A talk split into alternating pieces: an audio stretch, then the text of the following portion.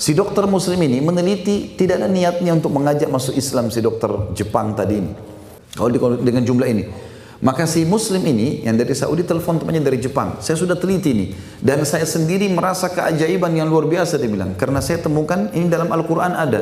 Setelah si uh, orang Jepang ini membaca Al-Quran. Dia tanya, tanya masuk Islam gara-gara itu.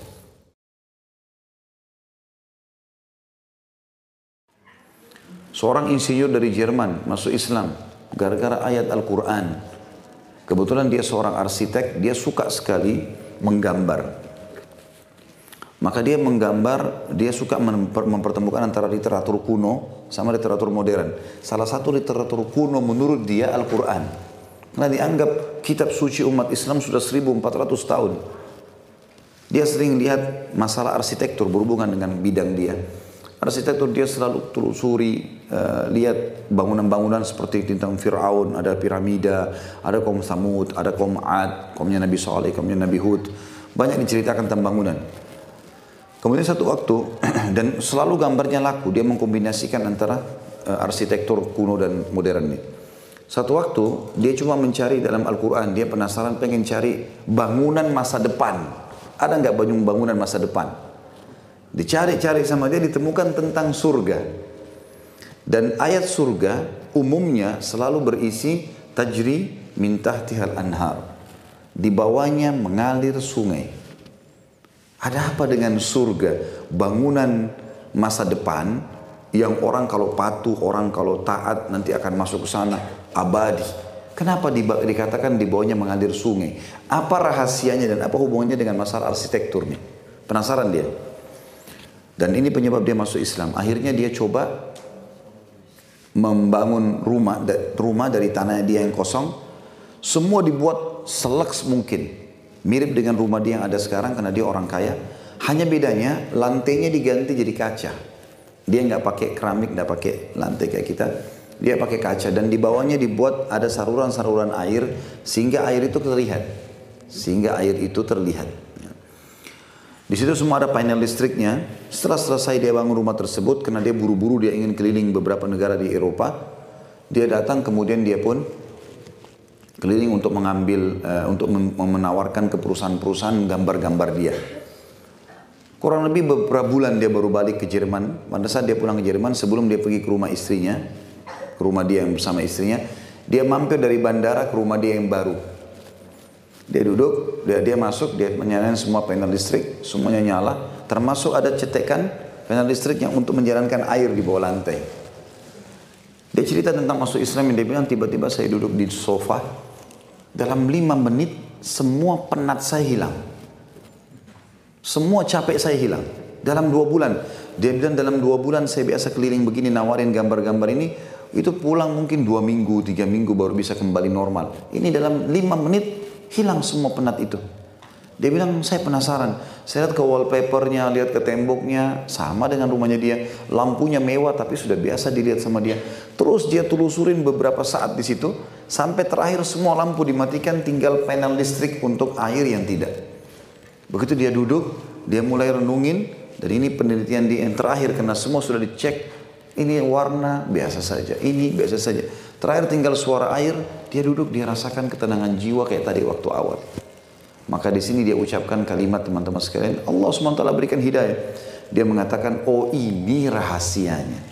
Kenapa istana di surga itu dalam Al-Quran diceritakan di bawahnya mengalir sungai. Ternyata gemericik air itu membuat ketenangan jiwa.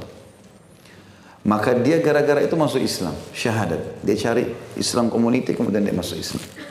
Keajaiban yang luar biasa. Baik, Kisah lain Bapak Ibu sekalian penelitian juga ini kisah nyata tentang buah tin dan buah zaitun. Buah tin dan buah zaitun. Jadi ada uh, satu hormon di dalam otak manusia itu kalau uh, dia keluar itu sangat membantu manusia untuk uh, mencerdaskan pikiran dia. Subhanallah saya tidak teringat uh, nama hormon ini dan ini sangat jarang keluar.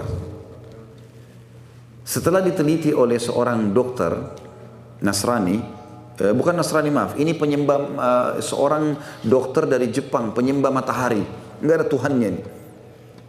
Mereka menganggap matahari dewa mereka kan kaisar mereka mereka anggap anak dewa matahari kan gitu. Yang jelas si dokter Jepang ini adakan penelitian di buah-buah, dia temukan hormon ini paling banyak di dua buah. Di buah tin dan buah zaitun. Buah tin dan buah zaitun, dua buah ini, gitu kan. Dan tentu Bapak Ibu tidak asing lagi dengan watini wa zaitun. Allah gabungkan dua ini, buah tin dan buah zaitun ya. Pada saat itu Bapak Ibu sekalian, si dokter Jepang ini meneliti. Lalu dia mau cari tahu bagaimana caranya meneliti ini.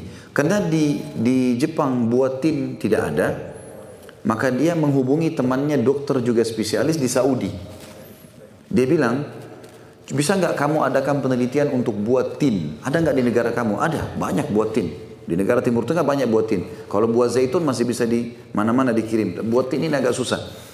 Lalu kemudian kata dia, baiklah coba adakan penelitian. Saya mau tahu kenapa dua buah ini saja yang paling banyak hormon itu. Dan ini dibutuhkan oleh manusia. Artinya dianjurkan untuk dikonsumsi. Si dokter muslim ini meneliti tidak ada niatnya untuk mengajak masuk Islam si dokter Jepang tadi ini.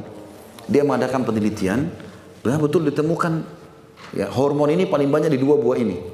Dan dia coba kombinasikan antara satu zaitun dengan satu tin, dikombinasikan, ternyata hasilnya lebih efektif. Dia coba kombinasi-kombinasi sampai dia temukan. Jadi dia coba baca dalam surah ya, menjelaskan watini wa zaitun. Dia teliti watini wa zaitun satu-satu. Tapi dia coba teliti dalam Al-Quran. Ternyata kalimat zaitun itu diulangi enam kali. Enam atau tujuh kali dalam Al-Quran. Buatin diulangi satu kali saja. Maka dia coba kalau gabungkan itu, dikolaborasikan lagi. Satu buatin di blender dan dicampur dengan tujuh buah zaitun ditemukan hasilnya maksimal sampai hormon itu mencapai nilai 100%. Kalau dengan jumlah ini.